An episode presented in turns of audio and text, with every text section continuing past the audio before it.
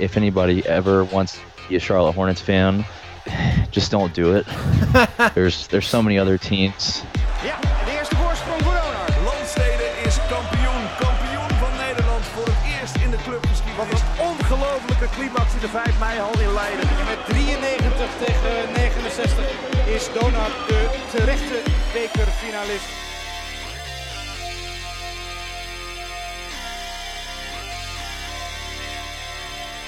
Ja, welkom bij een nieuwe DBL on Sunday. Leuk dat je weer luistert. Het is eh, niet zondag, dat weet ik. Ehm, deze intro eh, even opnieuw opgenomen, want eh, er waren wat problemen met het uploaden van deze aflevering. We zijn natuurlijk nog niet zo lang bezig en daardoor ehm, ken je het programma nog niet zo goed, want ik gebruik een andere podcast host voor deze podcast dan eh, voor de Dutch Basketball podcast. Dus het even wennen en wat eh, technische dingetjes eh, ontbraken, waardoor de aflevering niet goed online kwam. En het duurde even wat langer om dat allemaal goed uit te zoeken. Maar goed, we zijn er. Ehm, ja, gelukkig is er niet heel veel veranderd in de basketbalsport. dus de aflevering is nog steeds actueel. We weten nu, is bevestigd dat we ehm, in ieder geval tot midden december geen basketbal gaan zien. Wat er wel is, iedere week, daar kun je wel van uitgaan, ook al zijn we iets later, is DBL on Sunday. En ik ben zoals altijd niet alleen, maar in deze podcast vergezeld door Elliot Cox vanuit Amerika. Elliot, hoe gaat het? Uh, you know, it's good. Just uh, really hoping to get basketball back as soon as possible. But uh, well, as we'll get into today, that that may be a little further away than than we'd like. Ja, want we hadden twee dagen na de afgelopen aflevering natuurlijk dat persmoment. En eigenlijk alle signalen die de overheid daarna heeft gegeven. Hier net op de valreep nog eh, de oproep om eh, vooral buiten te gaan sporten de komende tijd. En eh, wat in dat persmoment dus werd gezegd, tot half december, of tot december in ieder geval geen ehm, nieuwe ja, versoepelingen van de maatregelen. Dan kunnen we eigenlijk alleen maar hopen op een sterke lobby. Maar het ziet er naar uit dat inderdaad het, het basketbal pas weer hervat gaat worden in 2021. En ehm, ja, daar gaan we het eh, deze aflevering eh, over hebben. Wat eh, zijn er nou die gevolgen van? Niet alleen voor de competitie als het gaat om wedstrijden, maar ook maar wat dieper in op de. Ja, wat, wat betekent dat nou voor de clubs? Ehm, en een mooi artikel wat daarover verscheen was een interview met Bob van Oosterhout. En je zag dat dat eh, veel teweeg bracht in de basketbalwereld. eh, dat eh, de clubs erachter staan. En dan ook niet alleen de professionele teams, maar ook de amateurteams. of niet, Elliot? Yeah, so I, I think Bob put put it in in nice words about uh, the um, how do I put this the uh, the lack of equality that has been has been treated with these professional organizations that are outside of soccer. And you know, it, it, he made a great point about the long-term consequences of extending this shutdown. Now, obviously, the the COVID protocols are there to to protect people from the protect the the spread of the virus, which has been a major problem in the Netherlands. However, uh, what is con- I think he he makes a great point, and it's a concern across the world. Is the is what affects the businesses, um, and how you're affecting people's livelihoods. Uh, and I think it should be noted as well that prior to the the the Hague and uh, to and the DBL was doing a very great job of containing the virus and making sure the players were kept in their own bubbles. So I I think he made some excellent points, but uh, uh, honestly, and, and Wouter, you know, I, I want, want to know your thoughts on this as well. The the I mean, obviously, the government's restrictions are well intentioned, but they haven't been executed exactly the best in terms of relaying it to the press. Ja, daar ben ik het helemaal mee eens. Ehm, er is veel onduidelijkheid. Dus laten we maar gewoon eh, ervan, afgaan, ervan uitgaan wat we nu weten. Namelijk eh, in ieder geval geen, ehm, geen ehm, groepstrainingen tot en met half december. Dus eh, in het eh, beste geval kunnen we weer wedstrijden gaan spelen zonder publiek in januari 2021. Nou, Die gevolgen die deze maatregelen hebben, ik denk je die, eh, die gevolgen in twee groepen kunt indelen voor het Nederlands basketbal. Namelijk aan de ene kant de gevolgen voor het spel. Dus wat voor invloed heeft dat op de competitie, op de spelers, op de teams. Ehm, en wat voor gevolgen heeft dat op papier? En dan bedoel ik eh, de financiën. Kunnen clubs ehm, ja, blijven bestaan? Gaan de clubs omvallen? Gaan de nieuwe teams zich terugtrekken? Of zijn er ook andere teams in de Dutch Basketball League die er al wat langer zitten, die, die in de problemen gaan komen? dat is meer de langetermijn gevolgen. Daar hebben we misschien ook nu wat minder zicht op. in ieder geval de signalen daarvan, die zijn er nog niet. Maar laten we wel zeggen, zo'n noodkreet als die Pop van Oosthout die heeft gedaan ehm, in, ehm, in de Telegraaf. Ja, dat uh, is wel dan de eerste, een van de eerste berichten. En het is ook uh, realistisch dat we die kant op gaan als er geen duidelijkheid is, in ieder geval over wanneer we kunnen beginnen. Of uh, wat voor financiële steun er beschikbaar komt. Maar ja, die, de andere kant dus, wat voor gevolgen heeft dat voor het, het echt spelen van het spelletje? Ja, ik denk dat die, die eerste gevolgen daarvan hebben we natuurlijk al op de, de competitie gezien. Um, daarover straks meer. Maar een ander voorbeeld wat meteen naar boven komt. Kijk, het is hartstikke mooi. De, de, de dames Orange Lions hebben een A-status. Kunnen groepstrainingen gaan doen in Nederland. Als zij dus die window mogen spelen in Amsterdam. Maar de heren niet. Uh, grote gedeelte speelt ook in Nederland. Ze bij een, Nederlandse ploeg. Hebben dus geen wedstrijdritme, geen groepstrainingen. Um, in het ergste geval kan het dus alleen nog maar in Turkije wanneer ze daar naartoe moeten voor de kwalificatiewedstrijden van het EK tegen Turkije en Zweden. Ja, dat is wel heel, uh, heel, ja, heel vervelend. En uh, ja, de, op die manier kun je natuurlijk ook niet ervan uitgaan dat het allemaal goed gaat daar. Terwijl ze net zo lekker bezig waren. Maar die spelers kunnen gewoon niet doen nu waarvoor ze betaald worden. Dat is namelijk gewoon het spelen van het spel basketbal. Ja, dat is wel jammer. And it's tough to do the. It's tough to prepare for this game when you can't have. Con- at the end of the day, uh, you know, it's obviously not rugby or American football, but basketball is a contact sport, and it requires uh, people, you know, touching each other and uh, being able to to get physical. So the one and a half meter distancing, you know, you can't even play a game of two on two because you have to keep that distance. There's very limited drills that they can do, and uh, very limited practice that they can do in order to better their game. Ja, precies. En daarom is het uh, eigenlijk het enige wat um, in deze situatie uh, nog zou kunnen veranderen, is dat er succes gelobbyd wordt. Um, dat in ieder geval de groepstrainingen weer hervat mogen worden. Um, dat is eigenlijk een van de weinige dingen die ik nog zou kunnen zien gebeuren voordat uh, het officieel uh, weer mag met het versoepelen van de maatregelen. Het zou wel enorm helpen. Het zou een tijdwinst opleveren. Dat betekent dat je veel sneller kan starten als uh, de maatregelen uiteindelijk weer versoepeld worden met, met wedstrijden. Dus het zou fantastisch zijn inderdaad Um, als, um, als die groepstrainingen snel weer hervat mogen worden. En ik denk dat ze als allereerste nu maar moeten gaan kijken naar die, uh, naar die Orange Lions, het mannenteam. Dat in ieder geval zo snel, weer, uh, zo snel mogelijk weer kunnen beginnen. Maar goed, het is nu begin, bijna begin november. Ja, um, het moet wel snel gebeuren dan, uh, die groepstrainingen. I agree, and it's definitely a situation of uh, of containment. They're trying to prevent as they're trying to prevent as many exceptions because it's like what, what, we discussed last week. You know, uh, with the the exception for the Eredivisie Frauen, uh, there you know you can only allow so many exceptions before you have to allow everybody, and so I know that that's a fine balance that they're trying to to to take care of. But a lot of you're really discrediting a lot of great professional organizations um, through through through these measures, and uh, I think it's invalidating for a lot of these leagues, and it's going to have some long-term repercussions that uh, the government doesn't really uh, foresee.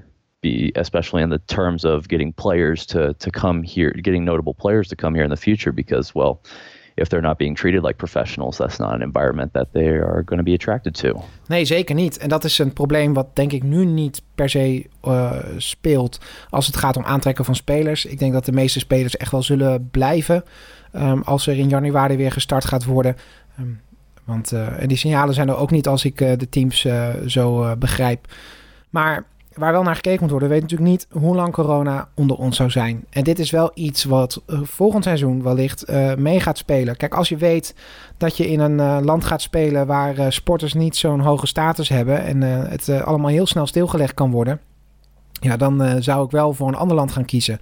Kijk, even overstappen naar een ander team. Uh, dat gaat heel lastig. Want alle teams in Europa zitten vol. Um, zullen um, financieel ook niet zo snel een extra speler erbij nemen, kan, ik me, kan, kan ik zo begrijpen. Dus ja, waar moet je heen als pro-basketbalspeler? Ja, dan moet je echt terug kunnen vallen op familie. Ehm, en of, het zo, of je zo, zo onveilig voelen hier dat je echt terug wil. Um, maar goed, ja, ik denk niet dat dat, nogmaals, ik denk dat er veel spelers weg zullen gaan. Maar we moeten er wel naar kijken. En ik denk ook niet dat basketbal dat alleen moet gaan doen. Ehm, het is, we hebben geluk dat we met hockey zitten bijvoorbeeld. Die hebben een sterke lobby. Maar ook andere sporten. Uh, ja, we moeten nu, moeten echt die sporten de krachten bundelen om dit uh, gewoon geregeld te krijgen.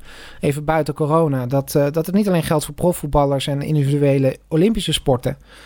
We moeten echt zorgen dat, dat gewoon de topcompetities die professioneel zijn, of voor grote gedeelte professioneel en hier en daar wat semi-prof, eigenlijk zoals de eerste divisie, dat die gewoon een, de status krijgen waarmee zij straks kunnen gaan spelen. Um, ja, en nu is het gewoon echt inderdaad maar gewoon wachten totdat de maatregelen versoepeld worden en dat we door kunnen. En ik wil ook wel meteen zeggen, ik denk echt nog wel dat we dit seizoen iets gaan spelen. Uh, zou, al, al is het een, een, een, een voorjaarscompetitie. Maar ik, ik, ik vind de mensen die op social media keihard roepen dat het seizoen voorbij is, echt voorbarig hoor. Echt voorbarig. No, I think this is an important season, especially for the expansion clubs. Because they need to have the, the any kind of revenue that they can get uh, from this season in order to have a chance at coming back next season. I'm not too worried about Yost United and Almeida Sailors because they have their sponsors and funding lined up, but especially a club like the Hague Royals where they really got to where they are because of the fans. That's that's a, that's a that is preventing an opportunity for a lot of these clubs to to get some sort of revenue. Because yes 2020 season 2020 to 21 season may not be what we thought it would be. But at the end of the day Wouter and I'm sure you feel the same way as me I'm going to take any kind of basketball I can get. And I am and I am adamant that a lot of these clubs have so much potential and I would just hate to see a lot of that potential wasted and a lot of the a lot of the reputation of the clubs discredited because of a canceled season and players being like, "Oh, I don't know if I want to come back here because I only got to play two, three games." No, I I I, I want to see these clubs have have a shot at coming back next season and to be able to maintain the high quality product that we're seeing on the court. by any means necessary. Oh, ik ben het er helemaal eens. Um, al het basketbal wat gespeeld kan worden voor dit seizoen moet gewoon gespeeld worden.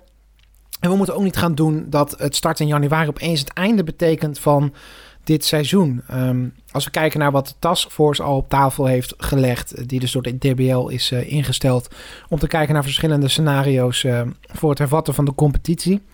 Ja, dan zou zelfs in januari starten. Dan zou je zelfs de competitie nog uit kunnen spelen met twee wedstrijden in de week.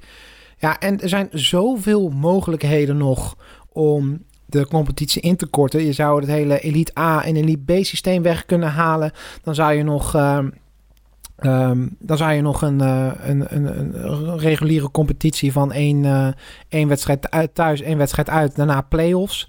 Je zou de playoffs in kunnen korten. Het is nu best out of three, best out of five, dan best out of seven. Nou, je zou, dat, uh, je zou daar ook in kunnen spelen. Best out of three, best out of three, best out of five. Of iedere combinatie die je daar ook maar wil zien. Um, de Basketball Cup gaat niet door. Um, dat geeft weer iets ruimte. Um, dan heb je eigenlijk alleen nog maar in februari volgens mij nog een international window. Um, maar verder kun je eigenlijk ongehinderd tot aan uh, juni een, uh, een competitieformat in elkaar knutselen. Dus laten we ook nog niet gaan doen dat, uh, dat meteen het einde is van het basketbal. de, we kijken nu naar half december. Je moet ook niet alles af gaan schrijven, want stel je voor, alles mag opeens wel. Um, dan krijg je weer mensen die zeggen van ja, waarom hebben ze zich daar niet op voorbereid? En we kunnen nog makkelijk iets doen, toch? Of niet? Want dan wordt het opeens wel een hele lange weg naar de zomer hoor. Absolutely. And I mean that's that's something that we've seen other leagues do. And if if the DBL is adamant about keeping Elite A, Elite B, you could transform the the first stage from a double round robin to a just a single round robin and have teams play once um, before splitting into the groups. And then, of course, shortened playoffs. That's something that the the Chinese Basketball Association did, and of course, we know the NBA. They did a bubble with limited teams and a shortened regular season before they went into the playoffs. there's there's a ton of options. I think calling the season loss is is premature because there are so many options of how we can resume play, even if play is canceled till December or even January. Um, so uh, I I think we need to not be so hasty to dismiss the season, and and and more importantly, put an asterisk next to whoever wins this championship, because I don't care what anybody. It's the same thing of what people were saying about the NBA playoffs of oh there's going to be an asterisk because there's limited teams and all that stuff. No, I think if you were able to to manage the distractions of the virus, manage your team accordingly, and uh, be able to still perform at a high level in spite of all these whole, of all these setbacks. You deserve the championship as much as anybody. Ja, Elliot, ik ben het ongelooflijk met je eens. Ja, ik vind het ook um, sowieso een, een sterretje bij de, bij de competitie zetten. Dat heb ik altijd belachelijk gevonden. Mm -hmm. um, want de, de situatie is voor iedereen hetzelfde. En sport gaat uiteindelijk, um, gaat uiteindelijk om wat, wie doet het het beste in de situatie. Want anders dan kun je ook uh, uh, uh, sterretjes gaan zetten ja, bij exactly. wedstrijden waar het regent en eh, waar de vorige keer de zon scheen. En eh, PSV won toen van Ajax, want eh, toen hadden ze de zon in het gezicht. Kan je, dan, kijk, je krijgt gewoon je krijgt gewoon um, een, een, situatie. En in die situatie moet je gaan presteren. En het gaat uiteindelijk om wie in de situatie het beste presteert. En dan maakt het niet uit of het seizoen uh, korter of langer was dan het uh, seizoen ervoor. We hebben allemaal onze, allemaal onze exactly. moeilijke, moeilijke uitdagingen. And it's, it's just becomes a it just becomes another injury to deal with basically i mean you don't want to label a killer virus as just another injury because it's it's definitely more than that but i do mean that from the context of this is another thing that you have to manage yeah. with your roster. And whoever manages this best is going to be deserving of who gets the wins because, you know, you were able to keep your players healthy and safe.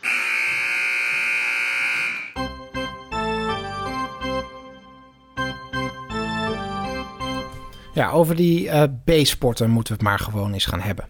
Bob van Oosterhout nam het uh, voor ze op in een artikel in De Telegraaf. Dus niet alleen voor basketbal, maar ook voor eigenlijk al die andere sporten die niet voetbal zijn of individuele Olympiërs. Dat topsportklimaat in Nederland is sowieso maar raar. Uh, helemaal als je kijkt naar hoe andere landen om ons heen met topsport omgaan. Want Olympisch succes, dat is toch ook hetgene wat, wat regeert. En waardoor er dus sporten wel door mogen gaan of niet. En eigenlijk moet je ook aan de onderkant gewoon die topsport uh, de status geven die het verdient. Want zo groei je natuurlijk ook de sport. Ja, um, ja, dat is toch zo of niet, Elliot? of course, and I think it also could be noted that you know maybe if these, and I think he also addressed this in his article, maybe if they weren't you know treated like B sports, maybe the Netherlands would be winning more medals and more sports, uh, whether it be basketball or uh, rugby or volleyball. You know. Ja, en als je juist wil gaan kijken naar internationale resultaten, ja, het lijkt wel alsof je die eerst moet boeken om zo'n status te krijgen. Uh, maar hoe wil je dat doen als je aan de onderkant niet kan gaan bouwen? Nou, Nederlands mannenteam, basketbal, goed voorbeeld. Ja, die, die hadden, als zij door hadden kunnen spelen in eigen competitie, hadden ze wedstrijdritme gehad. Dan waren ze met kansen, goede kansen naar Turkije gegaan. Ja, als ze daar hadden gewonnen van Zweden en je wint ook toevallig van Turkije, dan, dan plaats je je bijna zo goed als zeker voor uh, het Europees kampioenschap. Nou, dat is voor het laatst gebeurd in 2015, was toen al bijzonder. Ja, als je die lijn door wil zetten ja, en je wil resultaten gaan halen, zijn dit toch wel echt de eerste dingen die je moet gaan bereiken. En dat wordt het nu bijna onmogelijk gemaakt. I agree. The women's basketball team has been very successful um, in the in the Netherlands, and we have a ton of uh, a ton of players who are high quality players playing in leagues like Spain, where it's some of the top women's leagues in in not just in Europe but in the whole world.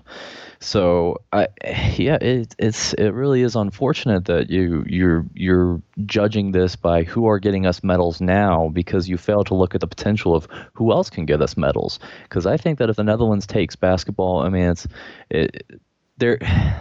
And, I don't mean any disrespect by this statement, but I think that we should be doing as well as Belgium is in basketball. Ja, precies. En kijk, ik wil wel even gezegd hebben hoor. Ik, lijk nu in mijn enthousiasme voor eh, de sport en het feit dat ik het belangrijk vind dat ze door kunnen gaan. Daarmee zeg ik niet, um, dat ik, uh, dat ik het coronavirus negeer of wil negeren. Nee, het is ontzettend belangrijk dat er maatregelen worden genomen. Um, en dus een competitie stil wordt gelegd, zodat je geen reisbewegingen hebt, zodat je geen besmettingen hebt tussen teams. Maar de teams hebben volgens mij best laten zien dat zij goed kunnen trainen in een veilige omgeving. En dan moet je, als je het over topsport hebt, moet je wel zorgen dat al die topsporters gewoon kunnen trainen. Um, want ja, anders dan krijg je nu een situatie zoals met de Orange Lions. De vrouwen kunnen het wel, de mannen kunnen het niet. Beide doen het op dit moment goed in de kwalificatie voor het EK. Ja, die kunnen allebei dat EK halen. Maar nu, nu krijgen die vrouwen wel beter die kans dan, uh, dan het herenteam. Terwijl het voor beide en, en, voor de sport ontzettend belangrijk is dat zij zich kwalificeren. Um, ja, en, en kijk, het lijkt er wel zo, ja, internationale successen, wat is het? Kijk, dat een mannenteam het ooit goed gaat doen op een WK, dat is gewoon heel ver weg. Niet met een Amerika of met een. Maar goed, EK, hartstikke leuk. Uh, ja, waarom niet? En ik zeg ook niet dat, dat ze dan meteen het EK moeten gaan winnen. En het is ook niet, niet heel reëel om dat binnen een aantal jaren te verwachten. En helemaal ook niet op, op wereldkampioenschappen. Want je, je hebt landen als in Amerika bijvoorbeeld. Maar het is zo goed voor het aanzien van de sport. Niet alleen uh, op Europees gebied als je je plaatst voor het Europees kampioenschap. Het is ook nog eens goed als je um, het op een Europees kampioenschap gaat voor de aanzien van je sport in je eigen land. Want reclame voor basketbal kunnen we in eigen land goed gebruiken. Laten we eerlijk zijn. Zowel voor de vrouwen als voor de mannen. Uh, misschien nog wel meer voor de vrouwen. Dus top dat die wel gewoon uh, kunnen trainen en waarschijnlijk dat window kunnen spelen. Um, maar het is echt, het zou heel jammer zijn als de mannen van uh, de Orange Lions de, zich niet plaatsen voor het EK van 2021, omdat zij niet aangemerkt zijn als A-status topsporters.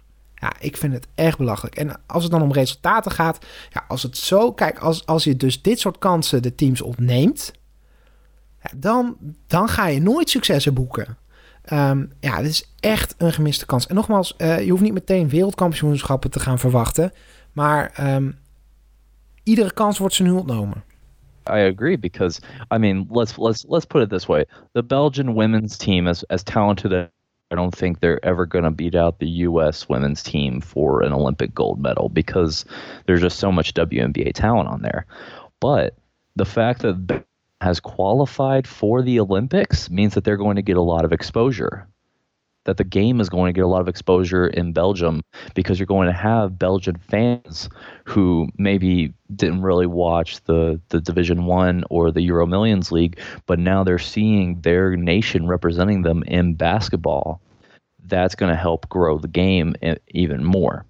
And so I think that that's what's being missed out. It's not just about winning medals because, you know, your your countries of different sizes. It's the expectations can't be can only be expected to be a certain way.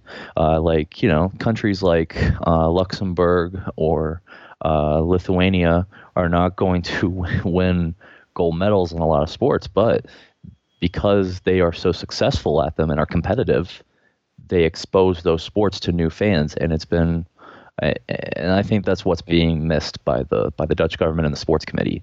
It's not just about winning medals; it's about growing the fan base so that we can have more competitive teams and more exposure for the sport to our country. Ja, precies. En ik denk ook dat we dan nu deze tijd echt moeten gaan gebruiken als B-sporten. En dat zou iedere sport niet alleen kunnen doen. Um, maar dat ze gezamenlijk toch maar een vuist moeten gaan maken en moeten gaan lobbyen om in ieder geval die A-status voor de topcompetities en de nationale teams maar eens gewoon binnen te halen. Daar zit ook echt een kans voor de sportbonden om zich maar eens te laten horen. Want laten we wel eerlijk zijn, um, we hebben de voorzitter van de DBL één keer op Radio 1 gehoord. We hebben Bob van Oosterhout nu in een aantal grote kranten gezien. En het is natuurlijk ook logisch dat, dat, dat, dat een individuele sport um, uh, en de voorzitters of de bestuursleden van, van een bond zich niet makkelijk in de kaart uh, laten kijken door de, in de kaart spelen bij een grote krant. En dat een groot, grote sportmarketeer als Bob van Oosterhout dat, dat, dat wat makkelijker kan. Het is ook iemand die uh, volgens mij ook snel gebeld wordt als het om dit soort onderwerpen gaat. Maar we moeten misschien wel wat meer onze stem laten horen.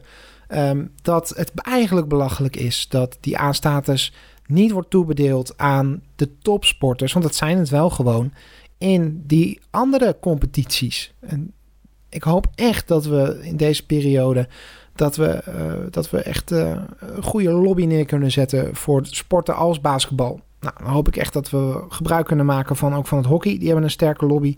Maar uh, ja, echt samen gaan werken en zeggen: jongens, ook wij zijn er en wij verdienen die A-status. Dan kan in ieder geval getraind worden. En hoe belangrijk het ook die coronamaatregelen zijn, dan kunnen we ook zo snel weer opstarten als die maatregelen dat wel weer toelaten. And that's a great way to come back full circle to Bob's article because he makes a lot of that very clear. And uh, we definitely more people like Bob Van Oosterhout to speak up and uh, speak on the legitimacy of of Dutch of not just Dutch basketball, but a lot of these other sports that are being treated like B sports by the government. Ik uh, ben het er helemaal mee eens, Elliot. Um, maar we zijn aan het einde gekomen van het, uh, het tweede kwart. En uh, laten we maar snel doorgaan uh, naar de, de tweede helft. En dan gaan we het even wat minder hebben over COVID. Maar wat toffe herinneringen ophalen aan wedstrijden die wij ja, in ons leven gezien hebben.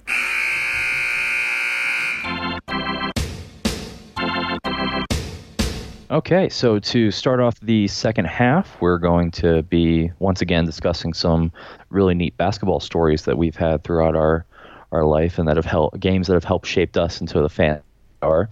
Um, I don't think it's any secret. Uh, well, I'll start, but I, I don't think it's any secret, Voucher, that I'm a Charlotte Hornets fan. And uh, if anybody ever wants to be a Charlotte Hornets fan, uh, just don't do it. There's there's so many other teams. There's so many other teams you could root for. Behalve de Knicks dan? Okay, yeah. Let me rephrase that. If you're thinking about the New York Knicks, then maybe root for the Charlotte Hornets. But that's the only alternative that I can give you. so, um, maybe the Kings too. But anyways, uh, the the Hornets, I they've they've been in a soft spot in my heart for a long time. I remember going to Bobcats games when I was younger. I actually wasn't a big Bobcat slash Hornets fan growing up, actually. Interesting fact, Valter. I was originally a bit of a Phoenix Suns fan. Do you know why? Uh, nee, want dit was volgens mij voor uh, de bubbel uh, van afgelopen seizoen. Steve Nash. Ah, die is nu, die nu een coach is bij de Brooklyn Nets, of niet? Yes, head coach of the Nets, which is going to be very interesting. They've re they've recompiled that seven seconds or less offense Suns into the coaching staff because they have Steve Nash as the head coach and Amari Stoudemire and Mike D'Antoni as the uh, as the uh, assistant coaches. So that's going to be a team to keep an eye on. I think everybody needs to to look out for the Nets. Although al, al zou ik ze ook niet actief uh, gaan volgen als fan hoor, die kunnen we aan het rijtje toevoegen. Um, al is het dan wel niet om de, om de nieuwe City jerseys. Ik weet niet of je ze al gezien hebt. Jee, maar wat ziet dat er lelijk uit. well, you know, I but that goes back to the Charlotte Hornets, which we have amazing uniforms, by the way. Now, before I start this story, I also want to preface I love Michael Jordan. He's a great player. I don't love Michael Jordan, the executive, because he does not put a lot of money into the Hornets and he also makes really bad managerial decisions. So if anybody ever hears me say that I want Michael Jordan to sell the team, it's not because I dislike Michael Jordan, the player, because I think we can all agree he is the greatest of all time. He's the GOAT. But as an executive, his track record has been horrendous. You don't believe me? Look up his years as, with the Washington Wizards. You'll see that this Ook was zo'n geweldig team. This, this this has always been an issue. Anyways, het is een beetje um, als uh, Magic Johnson ook, uh, die uh, ook hier en daar een functie had bij de LA Lakers exactly, of niet? Exactly, and it just comes to show that if you're even if you're a former player and legend of the club, it's not a guarantee that you'll do well in the executive. Phil Jackson with the Knicks, for example. So, um, but this past uh, season, my my lovely wife, uh, well, my fiance at the time, she uh, got me the greatest Christmas gift ever, which was well, which was Charlotte Hornets. She got me a Kimball Walker jersey, favorite favorite favorite player on the Hornets, and uh, she got me tickets to go see the Hornets when they played the Jazz, which were the which local local team for me right now. So we went up to Salt Lake City, and uh, I tell you what, Wouter, I think I was one of two Charlotte Hornets fans in that entire arena. There, I maybe I saw one guy wearing a Marvin Williams jersey. That was it. Um, I was in a section surrounded by uh, Jazz fans, and one thing about Jazz fans is they are the closest to European fans that you will get in the U.S. They are very, very uh, passionate and uh, and the team as well is ran very European like. They have a uh, Quinn Snyder runs his uh, system very European like. There's a lot of ball movement. There's not a lot of uh, pick and rolls. It's more of off ball screens and everything like that. So they're they're a very fun team to watch. And yeah, we got blown out that game. Um, we we never stood a chance. It was it wasn't even close. Uh, Joe Ingles took easily, and then of course Donovan Mitchell. It doesn't take much to get him going. Uh, very talented, very talented club club that the Jazz have. I was surprised when they blew the three to one lead to the Nuggets in this past postseason because that was a very well made squad. But then that comes to show about how much uh, uh, Bojan Bogdanovic does for that club, and um, another European uh, talented scorer. But the experience was pretty awesome, and the fans were very gracious. They were more apologetic than anything. They were like, "Oh, I'm so sorry that we're beating you." I was like, "It's okay, it's okay. I brought this. I brought this pain on myself. It's all good. I can't. I have no excuse." But uh, yeah, it was. Uh, it was a. It was a very awesome experience. Best gift. Uh, best gift I could ever ask for, and uh, yeah, I thank my lovely wife every day that she allowed me to do that. I've actually gotten her. I've desperately tried to convert her to the Charlotte Hornets, not because I think it's a good idea for her, because it's not. Het is meer een beetje gedeelde smart is halve smart. Exactly, exactly. That that's that's a great that's a great way to put it.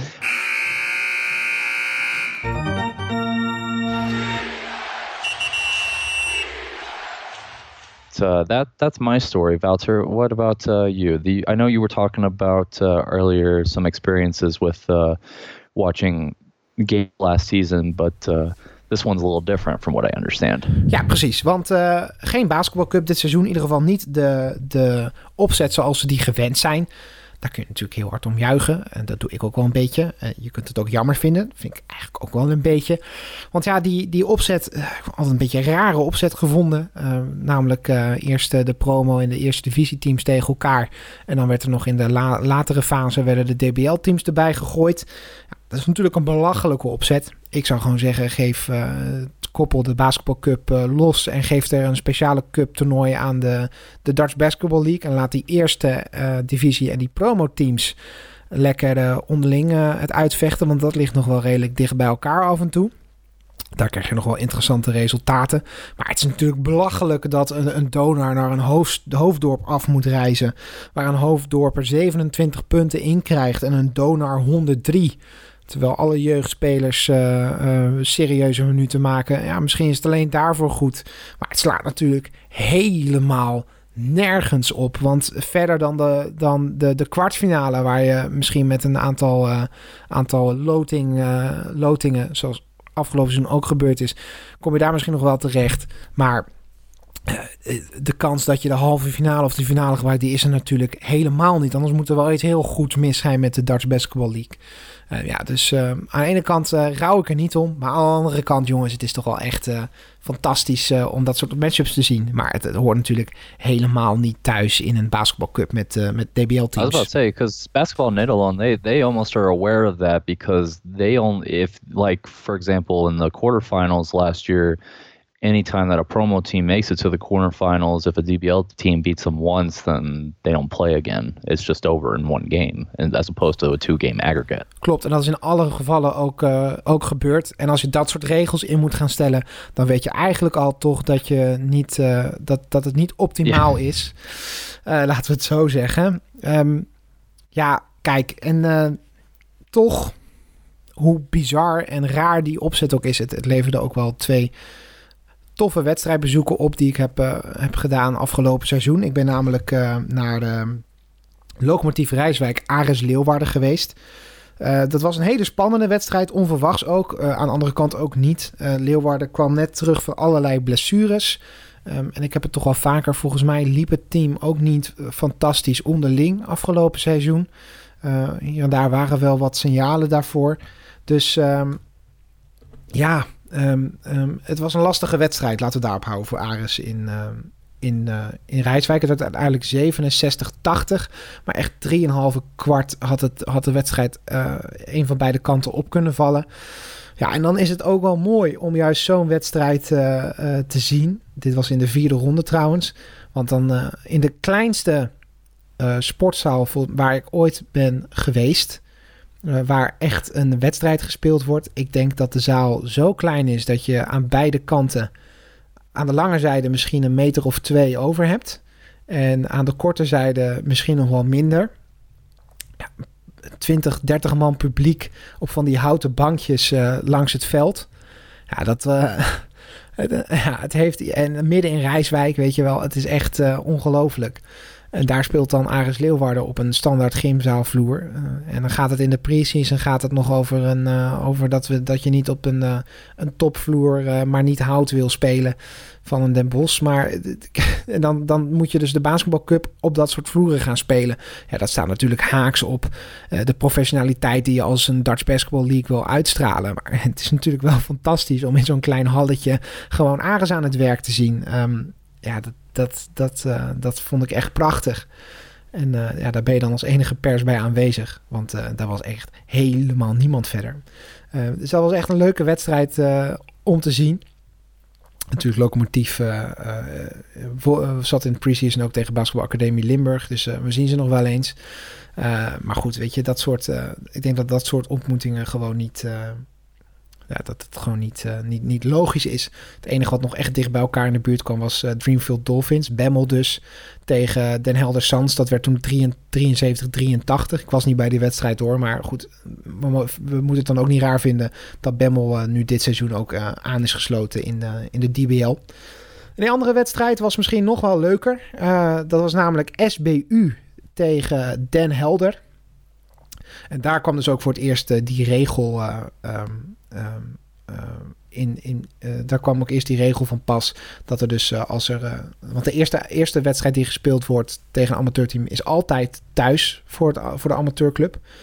Ja, dan vind ik ook wel weer zoiets. Ja, dan, want die amateurclub moeten dan gaan reizen. Nou, dat kost vaak geld. Dat hebben dan die teams niet. Ik denk dat dat zo de gedachte is. Maar aan de andere kant, ja, als een Apollo of een, een, een basketbalacademie Limburg of een Den Helder die kant op moet. Dat kost ook gewoon wel weer geld. Ja, en, en, dat geldt voor alle clubs trouwens, maar dat zullen die teams nog wel meer voelen.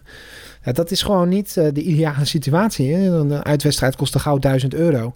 Ja, waarom zou je dat doen tegen een, tegen een ploeg waarvan je bijna al zeker wel weet dat je die... dat je die gaat winnen. En Den Helder had natuurlijk twee van die wedstrijden, want die speelde dus ook al tegen de Greenfield Dolphins. Nou had dat misschien nog wel eh, op een verrassing uit kunnen lopen. Maar in principe moet dat niet. Maar goed, Den Helder speelde dus tegen student basketbal Utrecht. Uh, bij die wedstrijd, daar was ik bij. Het was een fantastische wedstrijd, want um, um, um, het was het laatste, de laatste echte wedstrijd uh, ja, van belang voor SBU.